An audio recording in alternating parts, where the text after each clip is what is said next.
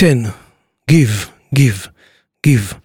אתה יודע, תן לתלמידים ידע, תן ברעיונות ידע, תן לאנשים, כי זה, לתת זה משהו פשוט מדהים, אתה מבין? אז כאילו עוד חמש שנים אני רוצה להיות יותר טוב בזה, עוד יותר טוב בזה, אתה מבין? כאילו, יותר טוב גם בקטע הזה, גם בקטע הזה, וזה משתלב, זה הולך hand in hand. כי, כי גם בלי הקטע הרוחני, בן אדם יודע שבעבודה עם מוזיקה, אתה חייב להתחבר מוזיקלית, פסיכולוגית, אנושית עם, ה, עם, ה, עם הצוות. להביא אווירה, להביא אנרגיה, זה התפקיד של הפרודוסר בצוות של עבודה, התפקיד של הבמאי, בקולנוע. תראה, הטיפ הכי גדול למקצוע שלנו זה, אשר פדי אמר את זה, משפט מאוד יפה, מה זה אהבתי לשמוע את זה. יש לי אגו גדול, אבל אני משאיר אותו בבית שאני בא לנגן.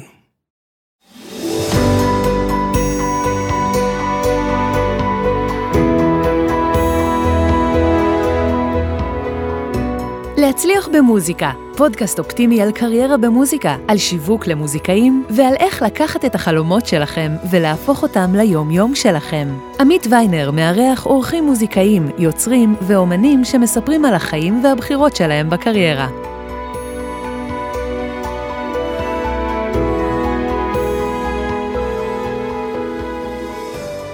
מתחילים. אז שלום ו... ברוכים הבאים לעוד פרק של הפודקאסט להצליח במוזיקה. כל המאזינות והמאזינים, תודה שהצטרפתם אלינו. יש לנו היום אורח סופר מעניין, האבא בעצם של הסאונד בישראל, יורם וזאן. אני אספר לך קצת, אבל אני אשמח שגם אתה תספר על עצמך אחר כך. בכיף.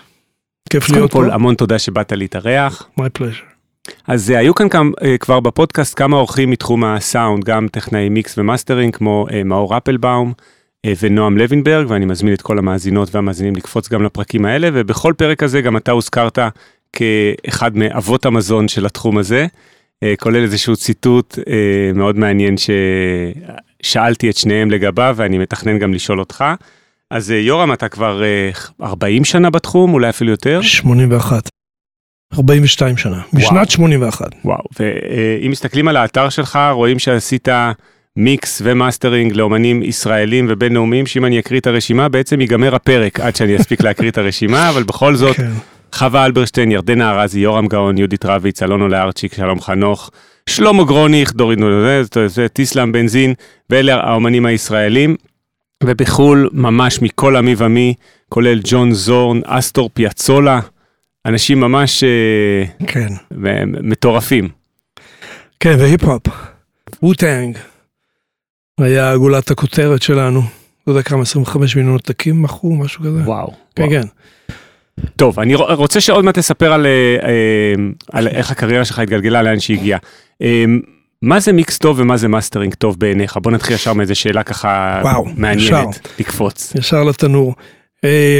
צריך איזה עניין של רגש, רגש, רגש, רגש. צריך להרגיש. לעשות מיקס זה כמו לנגן גיטרה או פסנתר, צריך להרגיש. שני נגני פסנתר ינגנו את אותה יצירה, או שני גיטריסטים ינגנו את אותו תפקיד בהקלטה, ותקבל סאונד שונה לגמרי. יש סיפור שעשו סט תופים באולפן בהקלטות תופים, וניגן אה, סטיב גאד. ועל אותו סט אחר כך בא ועשה עובדה ברינגו סטאר, על אותו סט בדיוק, סאונד שונה לחלוטין. וואו. לגמרי, הסאונד השתנה לגמרי.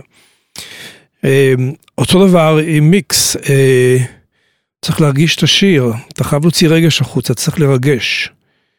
אין פה, הטכנולוגיה היא כמובן ה-backbone של כל מה שאתה עושה, אבל, אבל בתכלס זה, אתה חייב להרגיש את זה. אלון נולרצ'יק אמר לי, פעם ראשונה שהוא בא לעשות לו מיקסים לאלבום שלם, ופעם ראשונה בא לשמוע את המיקס הראשון, הוא הסתכל עליי, הוא אמר לי, אני, אני רואה שאתה לא מתקשר אליי לשמוע עד שאתה לא מרגיש את המיקס. אמרתי לו, how else, כמובן, איך אפשר? אמר לי, לא, לא, לא, אני, אמר לי, הם בדרך כלל טכנאים מסתכלים עליי לראות אם אני מרגיש את המיקס. אני לא יכול בלי זה, אני פותח את הערוצים ואני מרגיש את השפה של השיר, של העיבוד, של הטקסט, של הביצוע, פרפורמנס. ומשם אני בא.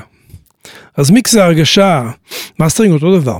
זה צריך להרגיש כמו מאסטר, צריך להרגיש משהו יותר מרגש יותר, עם אימפקט יותר איכותי, יותר sonically speaking. מוציא החוצה את כוונת, כוונת המשורר יותר טוב. אז זה כל, כל הרגש, זה כאילו, תן לשיר לדבר, אתה מבין? השיר מעל כולנו. כי it's not about you, it's about the song, הסונג, השיר חייב לחתוך בצורה הנכונה, ולא צריך הרבה הסברים גם, והצוות ההפקה, מגיעים להגיע לך מיקס. לא צריך הרבה הסברים, יש כאלה שהם מתקשרים ומסבירים, לא צריך כלום, אתה פותח את הערוצים ואתה שומע את ההסבר מהערוצים, מהביצוע, מהנגינה. זה שיר עצוב, אז זה מינורי, אז נגנו יותר בעדינות, הכל שם. אתה רק צריך להוציא את זה החוצה. תשמע, זה מאוד מעניין לשמוע אה, את זה ממך. אני חושב שיש היום איזה מין דעה קדומה, שלפי מה שאני מבין ממך היא שגויה, שהכל דווקא זה עניינים טכניים וטכנולוגיים וציוד. כלומר, אתה התחלת מרגש ולא אמרת, הכל מתחיל מקומפרסור שעולה 15 אלף שקל, אה, קומפרסור אה, אנלוגי ישן, ויש היום איזה מין אה, מרדף כזה, אתה בטח מכיר אותו ורואה אותו אצל הרבה אנשים, כן. בין אם זה אחרי פלאגינים או אחרי ציוד הארדוור, ואתה אומר, זה הכל מתחיל בכלל לא מהעניין הטכני והטכנולוגי, אלא מרגש. לגמרי, אני... כשאתה לוחץ על ה insert שלי ב Pro Tools, אז אתה רואה ב-EQ למשל, אתה, כל המסך מתמלא. מאיזה 20 עמודות של אקולייזרים שיש לי שם. אני הולך או ל-SSL או ל Renaissance EQ של Waves, קבוע. זה חם, זה עצבני. לפעמים אני רוצה את ה... איך הוא נקרא FabFilter, או יש Claro של Sonnox, שהם יותר bright ודיגיטליים. זהו. כלומר ארבעה EQ-אים, סך כן. הכל אתה משתמש בכל ה... מתוך המיליונים שיש, סתם תופסים מקום על המחשב. ואותו דבר גם בקומפרסורים יהיה ובלימיטרים? כן, כן, 1176 CLA של Waves. זה נקרא CLA 76 ו-LA2A שירה. בדרך כלל יש כמה כלים וזהו, כי אני בא מדור ומעידן של Keep it simple. הייתי בניו יורק היה ראשי תיבות כיס, אני מעביר את זה לתלמידים שלי. Keep it simple stupid. כן. סימפל, הכי פשוט. כלומר כל המרדף הזה אחרי תוכנות ומה שאתה רואה אתה יודע בטוטוריאס ביוטיוב ועוד קומפרסור ועוד EQ כל שבוע שאתה יודע שיוצא אתה לא שותף למרדף הזה בעצם. כי כל יום מראים לי זה משהו יותר טוב ויותר טוב ויותר טוב אני אומר אוקיי אני עובד עם אלו וזה עובד לי טוב אז אני לא יודע. אתה יודע, אני כבר מקבל מ-Waves beta testing, אני מקבל גם מ-Plugin Alliance. זה המון, וכאילו, אוקיי, אז הוא יש לו כזה אופי, ו... אז אתה, אתה יודע, אתה רוצה, אני אגיד לך מה העניין, גם כשאתה מתחיל לחפור בארגז כלים שלך, של הפלאגים, אתה מאבד אנרגיה של, של מיקס. זה כמו לנגן, אתה צריך להישאר באנרגיה של מיקס ולא להתחיל, אה, בוא נעצור שנייה. זה כמו אוטומציה במיקס. אני ב-82 עבדתי בניו יורק באולפן. שהיה בו automation uh, של קונסולה אנלוגית, זה ה-first moving faders automation ל-East Coast בארצות הברית. Eurosound, קראו לאולפן קונסולה Neve, קונסולה Neve שיש היום בארץ אצל יובל, בקיבוץ גלויות שם. אותה קונסולה, 8108 או 8102, משהו כזה. אמ, והיה לה moving faders. ואני זוכר את הקטע שהיו עושים מיקס והייתי אסיסטנט כאילו לאנג'ינירים של ג'אז ושל לאטין מיוזיק. וכשהיו עושים את המיקס ומגיעים לקטע של האוטומציה זה היה מין ירידה כזו של אה, למה? המחשב עכשיו. אתה צריך להתחיל לחשוב כמו המחשב. Hmm. מה הוא עושה? אה, פה הרמת, אני כבר לא יכול לגוע בפיידר. אז יש את הקטע, כאילו, אתה יודע, left brain, left brain, right brain, הקטע היצירתי מול הקטע הטכנולוגי. אתה כל הזמן מסתמך על הידע התיאורטי הטכנולוגי, אבל המוח שלך עובד ביצירתיות, ברגש, בלחפש. וכל דבר שיעצור לך את המהלך הזה הוא, הוא, הוא לרעתך. אתה מאבד את ה flow. אתה מבין? לכן למשל כל הערוצים צבועים באותו צבע, תופים זה צבע חום, ו percussion זה חום בהיר, ובייס זה חום יותר, קצת יותר בהיר, וגיטרות זה כבר נהיה כתום, וקלידים אצלי זה סגול, קבוע. וקשירות זה כחול כהה, יפה כזה. אתה מבין? special effect. זה לך מאוד אינטואיטיבי לגלות. ואז אני הולך על צבע, אני מחפש את הסאונד, אני מחפש את הערוץ, במקום לחפש שמות. כמו כן, לרשום את שם הערוץ ב... בלי ה vowels. floor tom זה לא F-L-O-O-R, זה F-L-R. ו snare זה S-N-R. ו kick זה K-I-K, אתה מבין? snare top זה snare T, S-N-R-T. ו snare B, snare bot. למה? כי כשאתה רואה את הערוצים, אתה רואה מיד את השמות גם של הערוצים, אתה מחפש יעילות. בקטע הטכנולוגי, כדי שיהיה לך ריצה על הקטע הרגשי, אתה מבין? זה עיקר העניין, ובמשך השנים אתה מפתח יעילות מדהימה בדברים האלו כדי uh, להרוויח יצירתיות מול uh, פלסף, אתה יודע. אתה יודע, אני אומר, אתה יכול להקליט עם מיקרופון של 100 דולר, ולהוציא סאונד מדהים, ויהיה לך מיקרופון 6,000 דולר, ולא יהיה לך סאונד מדהים, כי אתה כולך בתוך, בתוך המיקרופון הזה, ומתלהב ממנו, ויש לך נורות פלורוסנט מלמעלה בחדר ההקלטה. צריך אווירה, צריך תאורה, צריך כל סטייט, צריך, צריך, צריך, צריך create a vibe, צריך שיהיה vibe. ו vibe טוב מביא סאונד טוב, הסאונד לא בא ממך בזמן ההקלטה, הוא בא מהם, מהאומן. יש מצב מאוד מעניין בהקלטה של rhythm section, שאתה עובד קשה כדי להגיע ל-level נכון וסאונד טוב, והכל מתנהל כשורה, אבל אתה לא, לא טוב לך עדיין, עדיין חסר לך משהו. והמפיק אומר לך, הכל בסדר, בוא, אני אומר, fine, תמשיך, ואני עומד כזה, בלי, איך, restless, איך אומרים? חסר מנוחה. מנוחה. משהו מפריע לי, ופתאום יש סאונד טוב. אומר לי, מה עשית? לא עשיתי כלום. הם מנגנים. הם מרגישים נוח עכשיו בחדר. כל ה... מה שקורה מסביב, התאורה כבר לא, כבר לא אותם, מנגנים את השיר. והסאונד, אתה רואה שהסאונד בא מה, מהחבר'ה שמנגנים. אתה רק שים את המיקרופון במקום הנכון, זה יהיה כמה שיותר שקוף וכמה שיותר בזרימה, ויש סאונד טוב. זה, זה טיפים לכל הכיוונים. שמע, זה ממש מעניין, אני, אני חושב שגם הרבה מהמאזינים ומאזינות מתעסקים במיקסים בעצמם, בין אם כדמואים כזה, או בין אם ממש אה, מלחינים שעושים מוזיקה לסרטים, ועושים גם את המיקס או הסופי או כמעט סופי אצלם במחשב. ולשמוע את זה ממך שזה קודם כל רגש, אני ציפית שת, ציפיתי שתבוא ות, ותגיד בדיוק איפה ה-threshold בקומפרסור צריך להיות וכמה ratio ולסגור לנו את הפינות הטכניות האלה. אז רגע, אני רוצה אבל בכל זאת לשאול אותך, אתה אומר מיקס זה קודם כל רגש ומאסטרינג זה גם כן זה קודם. גם, כן. אבל מחפש... בכל זאת, אה, אה, אני רוצה רגע לשאול אותך על כל אחד מהם בנפרד. אז מיקס זה קודם כל רגש, אבל מה המטרה של מיקס טוב בעיניך? כלומר, חוץ משיהיה לו את הרגש של השיר או להעצים את הרגש של השיר, האם זה נגיד שכל הכלים יהיו אה, מובחנים מספיק טוב, או שאתה לא מתייחס לדברים לא, כאלה? לא, לא, בהחלט, בהחלט. כל תפקיד שנוגן שם, הוא אמור להיות שם. הוא תורם לתמונה הכללית. יש תפקידים שהם, קרובים, שהם קשורים לגרוב, קצב. כל beeps הכי קטן צריך להיות שם במקום הנכון כדי, כדי להשלים את הקצב, את ה rhythm, את, את ה beat. אני בא מעולם ההיפ-הופ, אה, אחרי הקטע של ניו יורק, רוק, ג'אז, אוונגרד, מה שעשיתי שם, כל הדברים שעשיתי שם לפני ההיפ-הופ, שהיה, אתה יודע, conventional recording של תופים, כלי נשיפה, בס וזה, פתאום הגיע ההיפ-הופ, זה היה, it's all about the beat. והיו מלא תפקידים, זה כאילו, היה בעבר kick snare hi-hat טאם-טאמים, עובד, תופים. פתאום זה נהיה kick 1, kick 2, kick 3, 808 kick, 2 snares, 1 hi-hat.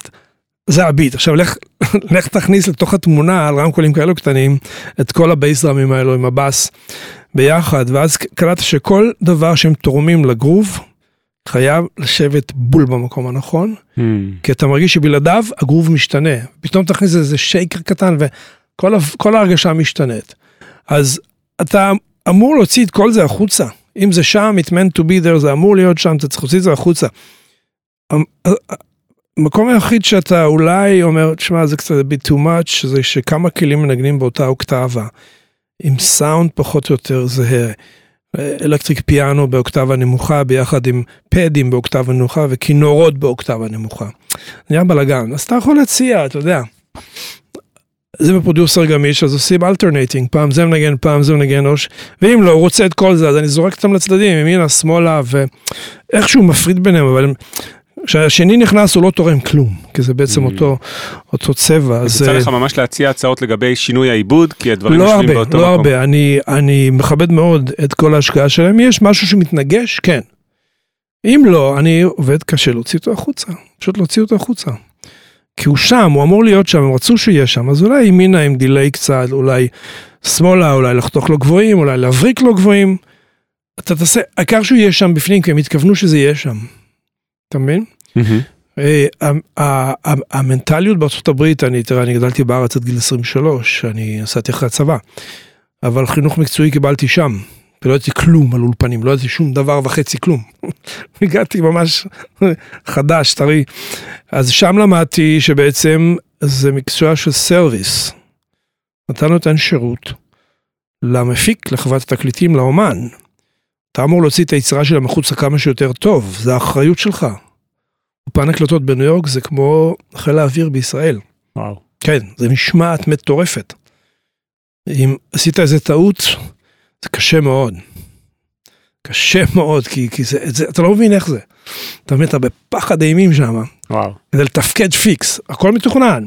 יום לפני ההקלטה נפגשים, האינג'יניר, האסיסטנט, המפיק והאומן, נפגשים ומחליטים איפה יהיו האומנים, מי ינגן, איזה מיקרופונים, איזה זה, מחברים את כל המיקרופונים בלילה, מדליקים את כל הספקי כוח של המיקרופון השפרתיים בלילה, לקראת ההקלטה בבוקר, וואו. ככה, אתה מבין? אז אה, זו מנטליות שונה לגמרי של באמת משמעת, ו... וזה זה נהדר, כי זה מכבד את המעמד, את המקום, את התפקיד, את האחריות, את המקצוענות, הכל ביחד. אז אה, הבאתי את זה איתי, מקווה שזה לא מתמוסס. מעניין, עם טוב. תכף גם נשמע באמת על הסיפור הקריירה שלך, בכוונה רציתי להתחיל משאלות שהן ממש אה, כאלה תכלסיות, אני אוהב ככה להתחיל. אה, ואני לא יכול שלא להזכיר ציטוט שכבר הזכרתי בכמה מהפרקים, גם שאלתי את מאור אפלבאום בפרק איתו וגם את אה, נועם לוינברג, ואני רוצה שאתה תרחיב עליו. אז בפרק הנהדר שהקלטת בפודקאסט music business, אמרת אנלוגיה מאוד מעניינת, שאם מיקס זה כמו שש-בש, אז מאסטרינג זה שח. אז תסביר.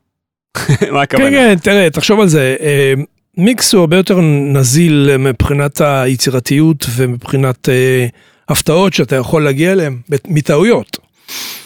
אה, במיקס אני יכול לשבת עם המפיק, ואם הוא מבקש משהו שלא נראה לי, אני דווקא הולך...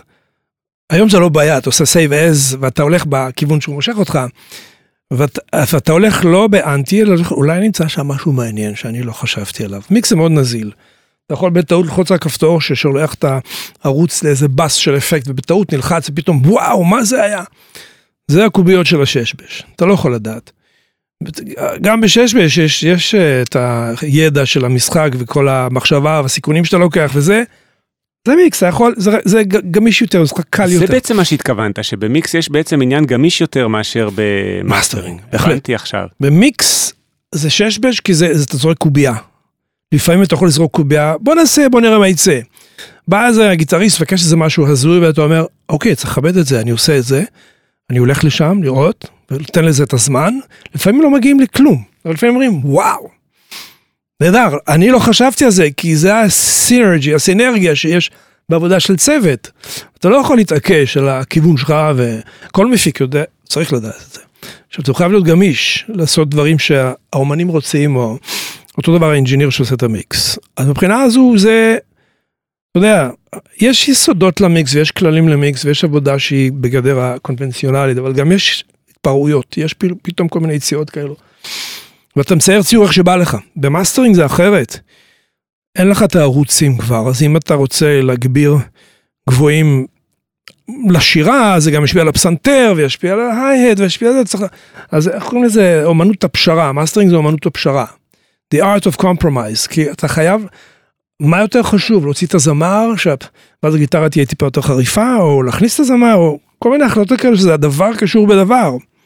או כמו שנועם אמר יפה, אני מוריד את הבאסים, אני שומע מה קורה עם שאר הכלים, איך זה משפיע על שאר הכלים, זה מאוד אהבתי. זה יפה מאוד, כי אתה, כי זה הכל, זה כאילו, איך זה, אה, נדנדה כזו. אז רק נזכיר, זה למי שלא הקשיב, זה בפרק עם נועם לוינברג, הוא אמר קונספט מאוד מעניין, שכשאתה מוריד נגיד בסים באיזשהו אה, ערוץ, או בסך הכל, אז לא להקשיב למה שהורדת, אה, שזה הנטייה הטבעית, להקשיב לדבר שעשית, אלא להקשיב איך הפעולה הזאת משפיע. משפיעה על הסך הכל. כן, כי הרבה אומרים לי, אה, אה, השירה נהייתה חזקה יותר. השירה, לא, אני הורדתי את הבאס, אז יש פחות מיסוך מהבאס על השירה. זה דבר, אז, אז מאסטרינג זה יותר, אה, הרבה רוצים לבוא לסשן מאסטרינג, ואני אומר להם, ממש לא. כי זה כמו שאחד עכשיו תיקן לי איזה מכשיר שלי ישן, היה לי איזה מכשיר מאוד ישן, ויש איזה מישהו שעושה אלקטרוניקה נהדרת פה, ב- שם בפלורנטין. אה, אסף, ואמרתי לו, אני רוצה לבוא, אני, אני, אני כל כך אוהב את זה, שמתקנים, אני רוצה לראות, אתה בפנים. בניו יורק הייתי עושה החזקה לציוד שלי. יש לי רקע באלקטרוניקה, והייתי לומד מהתותחים האמריקאים שהיו באים לתקן את המכונות. קונסולה ומכונת הקלטה. ואהבתי את זה, הלכתי, אז הוא אמר לי, קשה לי, זה מפריע לריכוז. אמרתי לו, "אתה- צודק במאה אחוז, אני יודע בדיוק מה אתה מתכוון.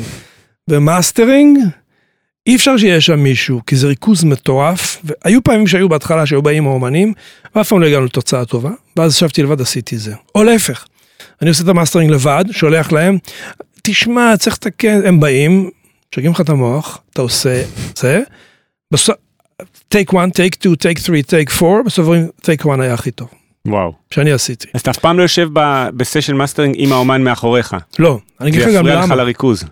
הם לא, הם, הם לא יודעים מה אתה עושה בדיוק, זה לא כמו מיקס, תרים את ה high, שים לי reverb על ה high, שים לי, לא יודע מה. זה, לא- זה לא כזה, זה, זה יותר אה, הרבה חשיבה. ועדיף שהם ישמעו את זה אצלהם בבית, באולפן שלהם, כי הם רגילים לשמוע מוזיקה שם. שם הוא ייתן לי את ה-objective opinion שלו, שזה חסר לזה, אני רוצה זה, אני, אני אוכל יותר לתקן את זה. אם הוא שומע את זה אצלי, הוא לא רגיל אליי לחדר, אז Mm. הוא לא ייתן לי הערות נכונות. הוא גם יכול לשגע אותי, כי זה ריכוז מטורף.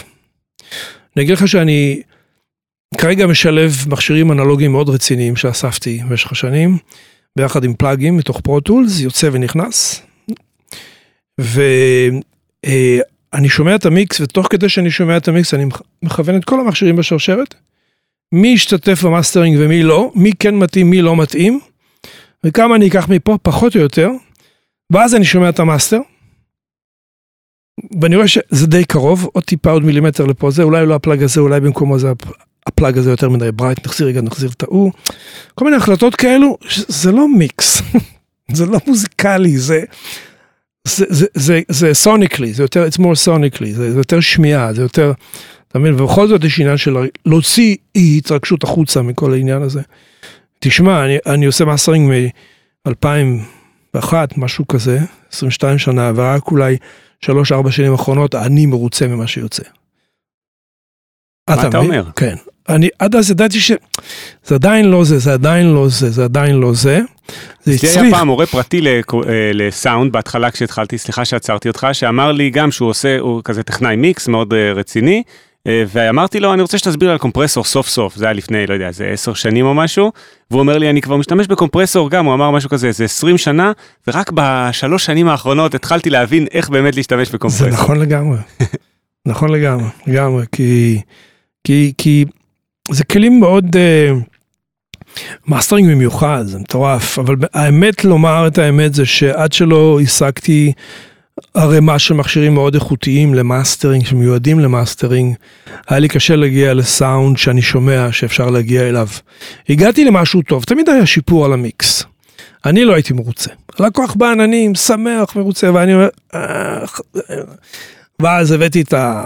זה התחיל באובן של, הזכרתם אותו.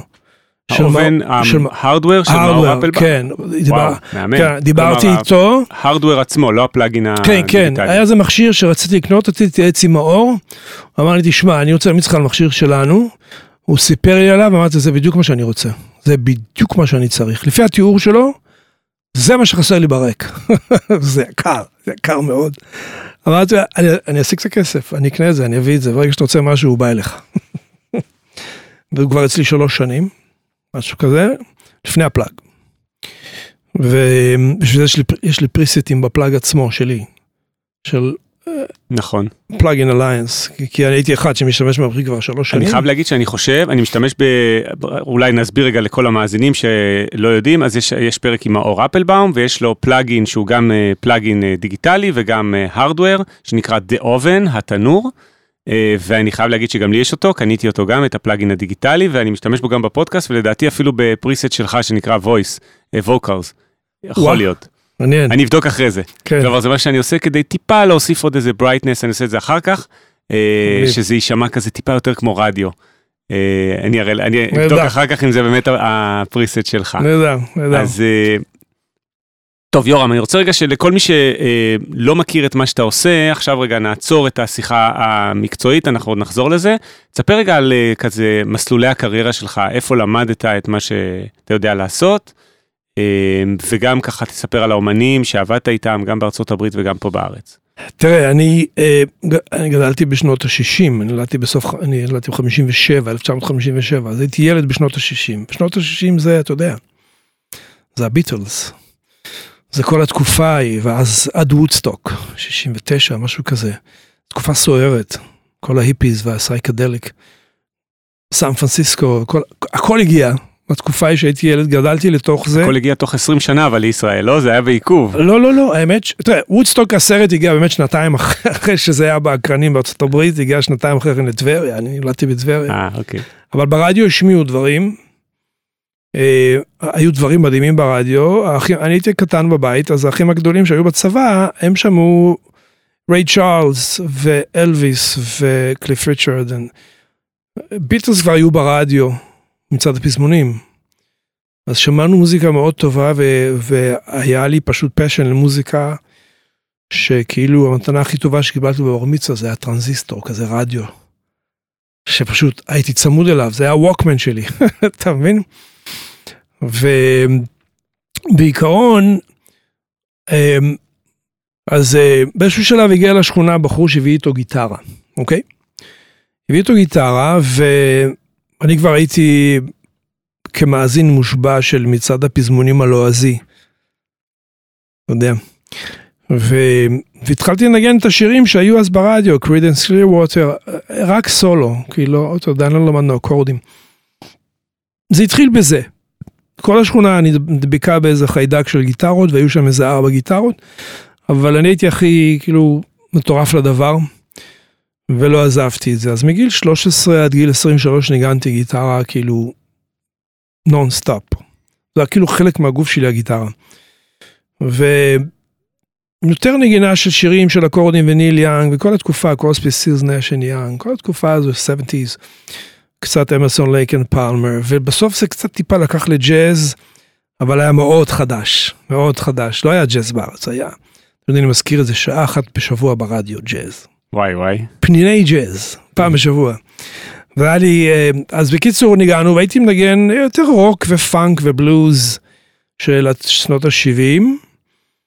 אה, איקי לוי שהיה מתופף של להקת ברוש, הוא מטבריה, ואח שלו, הייתי בתיכון. אז כל פעם שהוא מגיע לביקורים היינו מנגנים ביחד.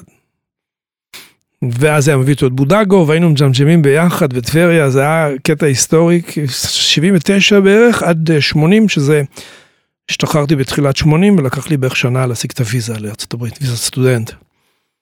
וכשהגעתי לארצות הברית אז ממש במכה הפסקתי לנגן כי הייתי כל כולי לתוך המקצוע עדיין ניגנתי אבל זה ירד די מהר לא האמנתי שאני פתאום לא מנגן זה היה שוק.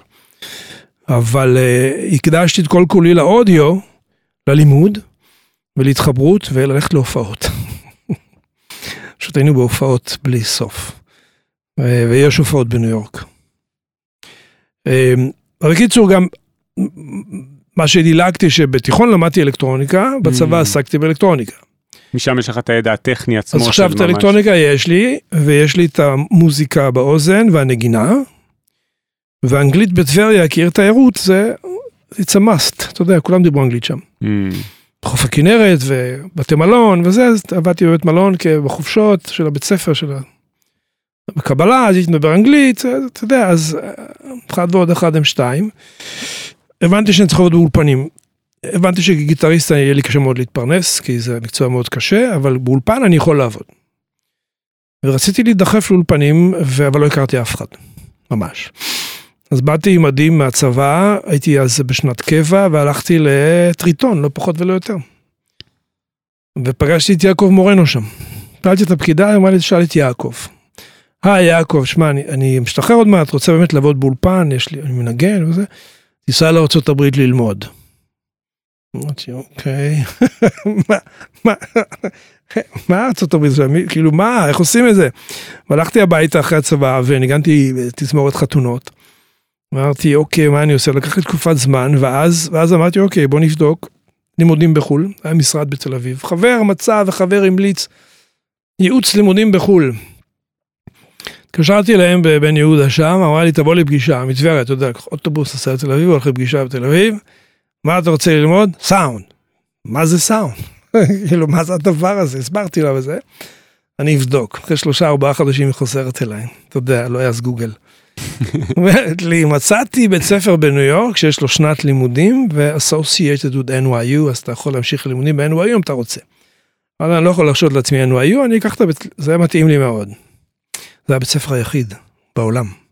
לסאונד? Institute of Audio Research, התחיל ב-76. זה היה בית ספר היחיד בעולם באותה היחיד. תקופה? היה אחת בברלין למוזיקה קלאסית ובלונדון למוזיקה קלאסית, וזה בניו יורק היה לאנשי סאונד. וואו. כן. החבר'ה בניו יורק שעובדים שנים שלא למדו אף פעם, הם באו ללמוד, כל אנשי המקצוע באו ללמוד שם. כל מי שעשה סאונד באותם שנים לא למ... ולא למד שם, אז פשוט למד באולפן. פשוט מלהיות באולפן ולעבוד. כן, כן. זה היה בית ספר ראשון בעולם. איך הוא נקרא שוב? Institute of Audio Research. והתחלנו, לימדתי, אה, זאת אומרת, למדתי שם ב-81, ינואר 81 התחלתי. ומיד הייתי מורה מחליף למתמטיקה ו... קצת לפני שאני נולדתי. כן.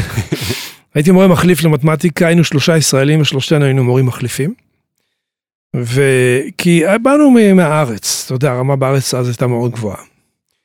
יחסית לארה"ב, ולימדתי מתמטיקה, ובסוף 82 כבר לימדתי את המעבדה לפיזיקה שם, physics of science, איזה מרצה אחד דפק ברז, פתאום נעלם להם. התקשרו להם מהר, הלכתי לזה, ללמד שם, בתקופה שעבדתי באולפן כבר. לימדת פיזיקה? physics of sound, מעבדה. physics of sound. כל מיני ניסיונות מאוד מעניינים של גלי קול, וזה היה מאוד מעניין. וקצת אלקטרוניקה, אנחנו מפעילים את ה test equipment של אולפן הקלטה. אוסילטור וסקופים וכל מיני כזה. ו, אמ, ואז ב-83, 82 נגמרה לי הוויזה והחלטתי אני חוזר לארץ, כי אני לא רציתי, לא רציתי להישאר בניו יורק. זה לא, זה, הרגשתי גילטי עם המשפחה וההורים, זיכרונם לברכה, ומה אני עושה במלחמת לבנון, מה אני עושה פה, אתה יודע, הייתה תקופה שונה לגמרי. חזרתי לארץ, 83, ממש, חתכתי, חזרתי לארץ. ונחתתי על הלהקת ברוש, היחידים שהכירו אותי, אף אולפן לא הכירו אותי, כמה שהסתובבתי לא, לא נכנסתי לשום מקום. עם כל הניסיון שהיה לי בניו יורק, עבדתי בניו יורק ב-82 חצי שנה באולפן עם ענקי הג'אז, כאילו, אני מספר את זה תמיד, מי שפתח לי את הדלת שדפקתי באולפן פעם ראשונה, לחצתי בבאזר, זה אלווין ג'ונס. וואו. המתופף של, של, של, של, אה, של ג'ון קולטריין. come on in, אתה יודע, כזה ענק. אז נפלתי על סשנים של ג'אז, של ענקי הג'אז, זה פיטר ארסקין וברקר בראדרס ומייק מניירי וג'ק דה ג'ונט ואתה יודע, אני עומד שם, אני המום, זה כל התקליטים של ECM שהיו לי בארץ. והם פה מנגנים, אני באולפן הקלטה. וענקי לטין, גם כן, רובן בליידס ובליידס. ווילי קולון וסליה קרוז, ממש ענקי Latin music הקליטו שם, והיה קצת רוק וקצת R&B של שנות ה-70, סוף 70. R&B עם live drums וגיטרה נפח ופנדר רודס וכזה, ולכלי נשיפה. איפה לפני... את הרוק באותה תקופה? לא בניו יורק? זה היה בלוס אנג'לס? ובמ... היה בלונג איילנד שזה כאילו חצי אי שיוצא מניו יורק. היה שם רוק, בניו ג'רזי היה רוק. גם בניו יורק היה פחות, ניו יורק היה יותר אוונגרד. אוקיי. כל ה intellectuals, אתה יודע. אז עבדתי שם באולפן הזה, שם תפסתי את ה chops שלי, מה שנקרא, ב miking, ועבודה מול לקוחות, ו... ו... וסאונד, וסאונד, ובסוף התקופה כבר התחלתי לעשות הקלטות שם, אבל אז החלטתי שאני חוזר לארץ. כן. אמ, אתה יודע, דברים מתגלגלים. חזרתי לארץ, הייתי שנה בארץ, ואז נכנסתי לעשות סאונד בהופעות. שלום חנוך, דני ליטני, אבי טולדנו, יגאל בשן, זיכרונו לברכה, טיסלאם ובנזין, זו הייתה התקופה הזו. והיינו יוצאים להופעות בכל הארץ, עם מיקסר, רמקולים ו delay. זהו. מיקסר, רמקולים ו delay לזמר. רק delay? זהו? לזמר, של, אה. של delay. זהו. לא קומפרסורים, לא, כלום. reverb, שום דבר, delay לזמר. אז, אה, והיינו עושים סאונד טוב, אני זוכר את זה. זוכר, היה סאונד טוב, ואיך קוראים לו? יהודה אמר, פוליקר. אני מרגיש שהסאונד יוצא החוצה, אתה מוציא לי את הסאונד החוצה, אני מרגיש את זה מהבמה. וזה, אתה יודע, זה כיף לשמוע את זה, וגם טיסלאם. הייתי עושה להם הופעות, ויזהר, והיו עומדים על ידי כשאני עושה סאונד צ'קים. זה שתי דקות סאונד צ'קים. כי את, יש שיטה של עבודה של, אה, אתה יודע, תנגן לי bass drum, בום, בום, בום, בום. והגישה שלי תמיד הייתה, למדתי את זה, play the drums, נגן. אתה לא בודק טוב טוב בנפרד. אני פותח, פותח, אולי קצת טמטמים, נותן שמה רגע טמטמים שנייה, לכוון, אבל play the whole set, ואז אתה פותח עם ה-overheads, שומע את התופים, פותח בייס, הכל ביחד, הכל ביחד, כי זה הכל קשור להכל. אתה מבין? אז שם פיתחתי באמת מהירות מיקסים, בשנה הזו שעשיתי PA. כי זה כל יום הופעה, הנה, שלוש ארבע פעמים בשבוע הופעות, הופעות, הופעות. אתה עושה מיקס כל יום. זהו, ב-84 קלטתי ש... אחרי שנה בארץ קלטתי שחתכתי בניו יורק עלייה מאוד מטאורית, מאוד מהירה, ובארץ הכל זז במהירות של slow motion. ואמרתי, ומצאתי דרך לחזור, כאילו, כאילו בו שלחו אותי לקנות להם ציוד. אז ויזה עסקים, Mm. business visa. ואז שהגעתי לשם גמרנו, דרך הבית ספר כבר השגתי לי את ה green card ואחר כך את האזרחות, וחזרתי לעניינים. ונשארת שם 20 עד שנה כמעט. 99. עוד עד 16 99. שנה בעצם. כן, מ-84 עד 99, עוד 15 שנה. וואו. הייתי שם איזה 19 שנה, אה, מינוס השנה בארץ, אתה יודע שהייתי בארץ, אבל אה, מה הייתה העבודה המרכזית שלך בכל ה-16 שנים בניו יורק? שחזרתי. הופעות- הופעות חיות או רק אולפן? עכשיו שחזרתי כבר היה לי ניסיון בהופעות חיות, אז שילבתי בין פרילנס ואולפני הקלטה, בין הופעות ובין ללמד. Mm. כי הבית ספר לקח אותי full time. לא full time, אלא, אתה יודע, מרצה מן ה... מרצה מן השורה, זה בסדר, אני... אה, וחזרתי ללמד גם, שזה היה ניסיון נהדר, כי... אתה יודע, אה, היה לי, אתה מרגיש שיש לך את הקטע בללמד, אתה מרגיש את זה, כי... זה מעין כישרון להעביר חומר בצורה כזו, התלמידים היו יוצאים, you make it sound so simple, היו אומרים לי. כבר אז, אתה מבין? היום אני מלמד בספיר, מאז שהגעתי לארץ, לימדתי, אני מלמד בפלוטו, ב-BPM, לימדתי בהד בזמנו, כל, כל בית ספר שלימד סאונד, הייתי שם באיזושהי צורה או תקופה. אה, זהו, איפה נמשיך? סיפורי ניו יורק? רגע, ובניו יורק, כשהיית שם, מעניין אותי, אז כשאתה עושה, היית עושה מיקסים, אמרת שמאסטרינג התחלת אחרי שחזרת לפה, רק נכון? בארץ, כן. בניו יורק, אז- כן, יש הפרדה בין... אה, טכנאי מיקס לטכנאי מאסטרינג. לגמרי, בתקופה ההיא לפחות, שלא היה את כל המחשבים הביתיים וכל הקטע. כלומר, הכל היה אז גם אנלוגי בעצם, עד אה, כמעט 99, לא? או שכבר- לא, לא, ב-90 ומשהו, 2, 3, התחיל ה Pro Tools להגיע ולחדור לאולפנים לאט לאט. אה, כמכונת עריכה, לא כ multitrack. לא סמכו על ההארד דיסקים שיחזיקו מעמד בזמן הקלטה ויעשו crash באמצע ההקלטה, זה היה קטסטרופה. אז לא סמכו עליהם עדיין, יותר editing, תחנות רדיו וגם editing של מאסטרינג וגם two track. אה, יותר מאוחר הוא תפס כ multi-track. תגיד, ואתה עשית מיקס לכל סגנון אפשרי, או שזה היה בעיקר הדברים החזקים שאתה עושה, זה באמת מה שאמרת, ג'אז, לטין, היפ-הופ? נשמע לי ג'אז והיפ-הופ זה שני סגנונות שונים לגמרי, לא? זה כאילו... זה, לא- זה ממש, כי זה הקטע, מזל שגדלנו בארץ, שהרדיו ניגן הכל, Mm, לא כמו היום. אתה שמעת ליטל טוני מאיטליה, ואחריו ג'יימס בראון, ואחריו Sly and Family Stone, ואחר כך אלוויס, אחר כך The Tremeloes מלונדון, וכל מיני... ומצרפת, הרבה מוזיקה נהדרת מצרפת של שנות ה-60-70. הכל היה ברדיו אחד אחרי השני, ואז אריק איינשטיין ויורם גאון. ו... שמעת הכל, חווה אלברשטיין, אתה מבין? ולהקת כוורת. זה היה הרדיו הישראלי. אז, ואנחנו בעצמנו שמענו progressive rock. Yes, ג'נסיס, פינק פלויד, ג'נטל ג'יינט, בלה בלה בלה, ואז הגיע ג'אז רוק של צ'יק קוריאה וג'ון מקלפלין, אז כאילו היה הרבה מוזיקה בארץ. כשנסעתי לניו יורק, נסעתי מטען גדול של באמת הרבה סגנונות, ובאתי לניו יורק ואני רואה יש רדיו של classic rock. אז הם מגנים לד זפלין וג'ת'רו טאל ו Yes ולא דברים כאלו, classic rock. ואז תחנה אחרת ג'אז, תחנה אחרת קלאסי, מוזיקה קלאסית. מאוד אהבתי, ו... ו... וראיתי שמה שקיבלתי מהארץ עזר לי מאוד שם לעבוד עם כל לקוח בניו יורק, ולהתחבר למוזיקה שלו.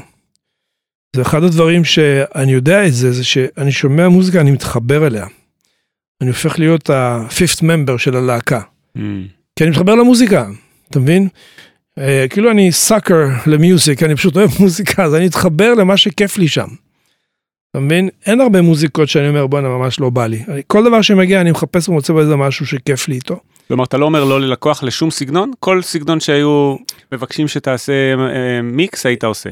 יש דברים שאתה, מוזיקה אלקטרונית, אני לא יכול לעשות מיקס כי לדעתי זה, זה מיקס תוך כדי יצירה, כי הם עושים את המיקס תוך כדי שהם מחברים את המוזיקה שלהם. הסאונדים מוכנים פחות או יותר, הם צריכים רק לשלב אותם. זו סיבה ראשונה, אין צריכים לעשות את המיקס. סיבה שנייה, מוזיקה אלקטרונית, כל 16 תיבות, מתחלף הכל. התופים, הבאס, הכל מתחלף. אז כאילו אתה עושה אה, מחרוזת של אה, ארבעה קטעים בשש דקות, שזה ארבעה מיקסים שונים, זה מורכב מאוד. זה לא תופים שנוגעים מתחילת השיר עד הסוף, ובאס וגיטרות וקלידים. זה חלקים, חלקים, חלקים שמשתלבים ביניהם, שיעשו את המיקס בעצמם, כי זה, זה לא, לא יודע, אין פה חיבור שהוא מחבר אותך ל- לתהליך, זה כמין משהו מאוד טכני. אה, היפ-הופ הוא לא כזה, היפ-הופ זה כאילו, יש לך לופים שרצים all the way, ובפזמון הם מתחלפים. מתווספים לופים נוספים, ובבית הבא הם ב mute חוזרים חזרה ל...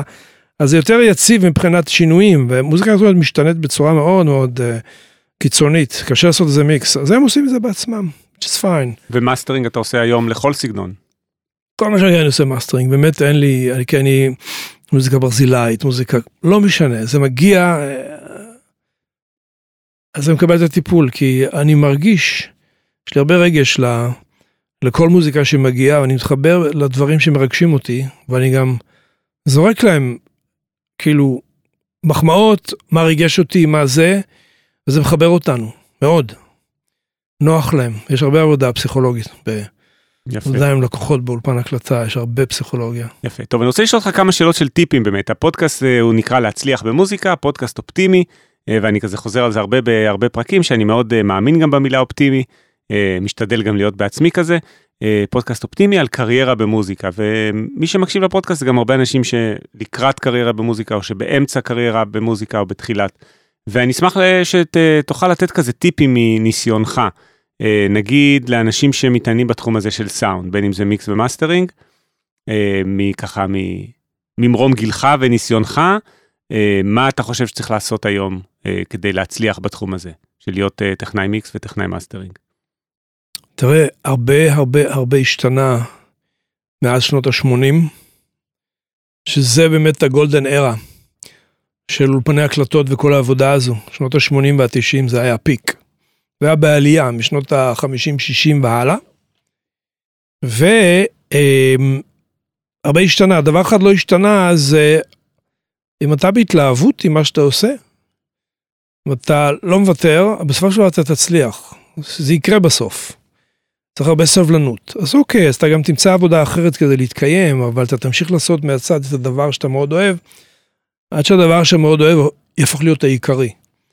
אני באתי מדור ועידן שעבדת בזה, יכולת לעבוד בזה, פול טיים. אמ, לכן אה, זה השתנה היום, כי פעם היו אולפנים, אז אה, תלמידים הייתי אומר, לכו, לכו למדרכות, קדימה, יצאו לדרך, דפקו בדלתות, תביאו רזומה, קורות חיים, תכירו את האנשים, קצת תהיו נודניקים, לדחוף טיפה, לבוא, אני אעבוד, אני אעבוד חינם, אין לי בעיה, רק תכניסו אותי, אני אעבוד, אני אעשה קפה, אני אעשה זה, רק, אני רוצה להיות בפנים, ולאט לאט אתה לומד ואתה נכנס כך. ומה השתנה היום שיש לכל אחד אולפן ביתי וחלק גדול מההפקה נעשית בבית בעצם? כן, אין הרבה, יש מעט מאוד אולפנים גדולים. כמה יש לנו בארץ, בתל אביב? שלושה, ארבעה, לא יודע כמה. חמישה, גג. יש אולפנים טובים שאפשר לעשות שם תופים והקלטות גדולות יחסית. כל שאר העבודות אנשים עושים בבית, מה צריך איזה פינה למיקרופון, להקליט שירה, להקליט חצוצרה, סקסופון, מגבר גיטרה. Fender Rhodes, לא איזה Fender Rhodes, מה, סינטי שזה בא ב plugin, אז אתה מבין? אז אנשים באים לאולפן להקליט דברים גדולים ואחר כך הולכים הביתה לעשות overdubs, חוזרים אולי לאולפן למיקס, הם רוצים טכנאי ספציפי, אם לא הם עושים את המיקס בבית. אז זה השתנה, לכן צריך הרבה יותר... Uh, יש אומנם הרבה אולפנים, ואתה, והיום זה נהיה פחות ופחות, כי כשהתחילה הטכנולוגיה, המהפכה הטכנולוגית של אולפנים ביתיים, אז מפיקים לא ידעו כל כך לעבוד עם הציוד, כי זה היה להם חדש. אז היה הרבה עבודה לטכנאים צעירים חדשים. היום פחות, כי גם ה producers כבר יודעים איך להקליט ואיך לעשות מיקס וזה, לא שזה יוצא טוב לכולם, אבל הם עושים את העבודה. אה, היום זה יותר קשה, לכן תלמידים למשל שלומדים בספיר, אז אני, תשמע, הם מתפרסים ל post production ולקולנוע ול-PA ולרדיו ולאולפני מוזיקה, אתה מבין? ולאקוסטיקה ולאלקטרוניקה. כל זה קשור לתחום שלנו, זה לא אומר ש... אתה יודע, אני הלכתי נטו על, על מוזיקה, כי זה היה הקטע שלי, ואז היה אפשרות. היום זה מאוד קשה. אבל בכל זאת... העתיד שלך היום הוא בעצם לה, להתפרס על כמה תחומים בתוך התחום כטכנאי מיקס, לא להיות רק טכנאי מיקס בעצם, לעשות עוד דברים. תשמע, יש הרבה חבר'ה שעובדים ב Waves. והם רצו לעבוד באולפן מוזיקה והם הלכו לעבוד בהייטק, אבל זה קשור למוזיקה, אז בערב הוא עושה את המוזיקה שלו, הוא עושה הופעות, הוא... כל אחד מנסה למצוא את, ה, את, ה, את ה, מה שהוא באמת אוהב לעשות ב off time שלו. ויש כאלו שהלכו לאולפנים גדולים והיו נודניקים ונשארו שם ובסוף הצליחו להשתרבב, אתה מבין? צריך הרבה סטמינה. עקשנות ללכת עד הסוף, ובסוף זה זה. צריך גם אופי, צריך גם להיות בן אדם כיפי. שכיף לעבוד איתו, צריך להיות בן אדם שפשוט בא לתת שירות בצורה הכי מקצועית שאפשר, למקום וללקוחות, שזה המפיקים אומנים, מוזיקאים, גם לבעל האולפן. צריך הרבה חוכמה לבוא להיכנס בצורה נכונה, וכאילו התלמידים צוחקים, עושים איזה קטע, אה, להכין קפה, להכין קפה. so what? אבל אתה יושב באולפן, אתה רואה חבר'ה רציניים עובדים, אתה יכול ללמוד דברים מאוד רציניים, אז מה, אז תכין להם קפה, מה קרה? זה לא... זה, זה מה שסיפרו הרבה מהאורחים אה, בפודקאסט עד כה, גם היה פרק עם שלו אלון שעשה internship, אה, כלומר, איך אומרים internship עכשיו? שכחתי את המילה. שוליה, שוליה. כן, ב Remote Control, באולפנים של האנס זימר, והוא בדיוק סיפר את זה, יש שם... אה, פרוטוקול מאוד מורכב של איך להכין קפה לפני שאתה בכלל נוגע באיזשהו כבל אודיו. וזה שווה להכין, למה? כי אתה חלק מהצוות. ת, תעשה, כל מה שאתה עושה תעשה טוב, אתה מבין? ובכיף. ואתה הופך להיות חלק מהחבר'ה, אתה מבין? אני זוכר פעם אחת איזה להקת רוק הקליטה בניו יורק ואני הייתי assistant. ועבדנו אל תוך הלילה עד הבוקר, וחלק נרדמו והיינו במיקס, והייתי עם ה engineer של המיקס. ולפנות בוקר, לא יודע, לא, באיזשהו שלב יצאתי לחוץ למנהטן שם. והלכתי לקנות קרים צ'יז בייגל, בייגל עם קרים צ'יז, קניתי איזה 16 כאלו. כספי שלי. והבאתי שיש שם, אתה יודע. האולפן לא כל כך סיפק את זה וזה, והייתי אחד מהחבר'ה וזה, הם התעוררו בבוקר. אמרו, what an amazing gesture, it's amazing, יורם, thank you very much. אתה חייב להתחבר לקטע כמו משפחה, כי כשאתה עובד על פרויקט, אתה הופך להיות אחד מה... אחד מהלהקה, אתה מבין? ברגע שאתה לוקח את זה בצורה כזו לקטע יותר אנושי, אז כל האווירה משתפרת וכל הסאונד נהיה יותר טוב. יפה. אתה מבין? זה היה טיפ מהמם. עוד טיפים שיש לך, אז אה, אמרת גם אה, להתפרס לכמה תחומים, כלומר שהיום אה, העניין הזה של להיות רק טכנאי מאסטרינג זה, או mixing, רק טכנאי mixing אפילו זה מצומצם מדי. אמרת את העניין האנושי, נכון? מבחינת לימודים נגיד, מה היית ממליץ למישהו שרוצה ללמוד? ללמוד יש, במוסד, ללמוד זהו, בבית, יש יוטיוב? המ, יש המון מסלולים, השאלה מה היעד, מה המטרה שלך ללימודים? אתה רוצה להיות אחד שעובד באולפן ועושה שירות של הקלטות mixing מאסטרינג? או שאתה רוצה להיות מפיק מוזיקלי, או שאתה רוצה להיות אחד שעושה מוזיקה אלקטרונית, או שאתה רוצה להתפרס לכל התחומים שהזכרנו, post production וכולי וכולי. מי שרוצה ללכת מאוד עמוק, אז צריך את הבתי ספר רציניים של שנתיים, היום יש גם תוכניות של שנה, שזה ספיר, וגם בעמק הירדן יש, וגם יואב גרה פה במרכז. BPM. ובאריאל. אלו, לא, אלו הולכים על הקטע הטכני, הטכנולוגי העמוק, חריש עמוק. קצת אלקטרוניקה, קצת יותר מקצת, אלקטרוניקה, אה, אקוסטיקה, להתפרס על כל התחום ולדעת הכל כדי להחליט, אוקיי, אני הולך על זה, אוקיי? BPM זה מקום יותר שבא יותר ממוזיקה אלקטרונית ונותן אודיו, אתה מבין? אז יותר נועד לאנשים שעושים מוזיקה אלקטרונית והם יותר מעבדים מפיקים ודי-ג'יי שמופיעים בעולם וכולי, זה נהדר, מצוין. אמ, אמ, מי שהוא יותר מפיק או מעבד מוזיקלי, אז יש לך בית ספר רימון. יש עוד כמה, אני מאמין, מיוזיק או לא יודע אם זה קיים. אקדמיה שלנו בירושלים, איפה שאני מלמד. יפה. ויש איפה ללמוד מוזיקה, שגם שם מתחילים ללמד אודיו. כי אתה חייב, היום אתה... נכון. כל מוזיקה יש לו מערכת. Cubase או כל תוכנה שהיא, והוא מקליט, הוא עושה הקלטות בבית, הוא לא צריך להיות תלוי באולפנים. תקליט תופים כינורות באולפן גדול, תביא הביתה, תמשיך להקליט את העיבודים שלך, אם אתה עובד MIDI instruments, כל ה-VST plugins. צריך אולפן. אז אה, לגבי מוסדות, הרבה מתקשרים אליי, אני מייעץ להמון אנשים לאן ללכת, כי אני לא, לא אגיד להם ספיר, ספיר, ספיר, כי אני מלמד שם. זה לא מתאים לך, אתה רוצה להיות מפיק, אז זה יותר טכני. עכשיו יש להם מסלול של מפיקים גם, זה חדש. זה, אתה מבין? אז כאילו, אתה יכול להתאים, היו כמה חבר'ה שהמלצתי להם שהגיעו אליי לניו יורק, והמלצתי להם, עזוב ניו יורק, לך לקליפורניה, כנס ל post production. והם פתחו פה את ג'אנגל בארץ, mm. כן, פה ג'אנגל. אז אנשים באו אליי ופשוט כל הזמן ידעתי לאן לכוון אותם, כי זה הכל תלוי בלימודים, לאיזה יעד אתה רוצה לקחת, מה אתה רוצה להיות אחרי הלימודים? אתה מבין? אני במסלול של לתת שירות של סאונד, שזה אומר הקלטות, mixing, mastering. זה ההתמחות שלי, זה מה שאני אוהב לעשות, זה מה שאני מרגיש את כל ההוויה שלי בתוך זה. ו, וכאילו, אתה יודע, כיף לי עם זה, אני מאוד נהנה מזה. מדהים. טוב, תכף אני רוצה לשאול אותך שאלות ממש אה, ככה שמעסיקות את כולנו, אבל עוד לא הזכרנו. בעצם איפה אתה היום עושה מאסטרינג ואיך פונים אליך לשירות הזה? יש לך אולפן היום שזה נקרא Firehouse? אני קורא לו Firehouse, כי זה השם שלו בניו יורק. מהמם. זה היה השם של האולפן שלכם גם שם. כן, מהמם. כן.